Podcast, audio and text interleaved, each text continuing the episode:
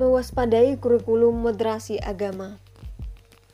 Program moderasi beragama terus disosialisasikan ke berbagai bidang, salah satunya bidang pendidikan.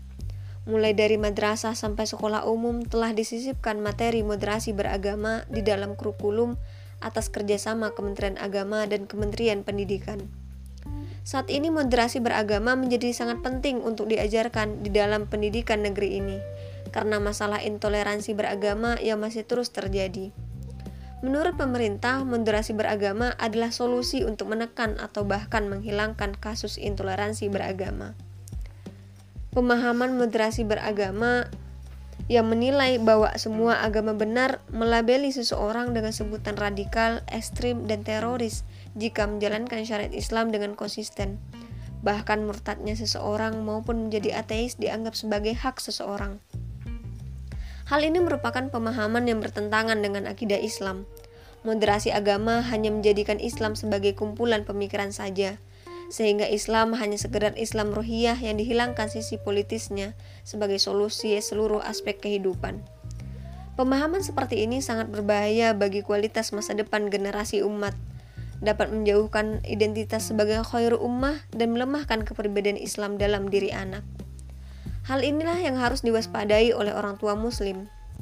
Para orang tua harus terus berupaya keras untuk menyelamatkan anak-anaknya dari gempuran moderasi beragama dengan yang pertama menyadari bahwa anak adalah amanah dari Allah sehingga dalam mendidik anak kita akan terus optimis dan dijauhkan dari perasaan putus asa dalam ke, dari perasaan putus asa dalam menghadapi kesulitan mendidik.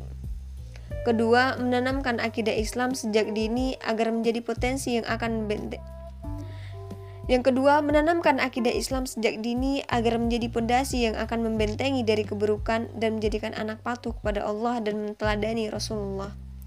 Ketiga, menjelaskan kekeliruan Islam moderat dan bahayanya, serta menekankan bahwa Islamlah agama Allah, agama yang diridhai oleh Allah.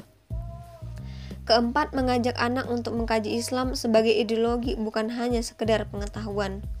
Mengajari mereka agar terikat dengan syariat Islam secara seluruhan atau kafah. Kelima, menyiapkan anak-anak untuk menjadi pembela dan pejuang Islam kafah dengan membangun kesadaran anak akan pentingnya dakwah menyampaikan kebenaran Islam. Keenam, memilihkan sekolah, pondok, atau lembaga pendidikan yang menerapkan kurikulum berlandaskan akidah Islam.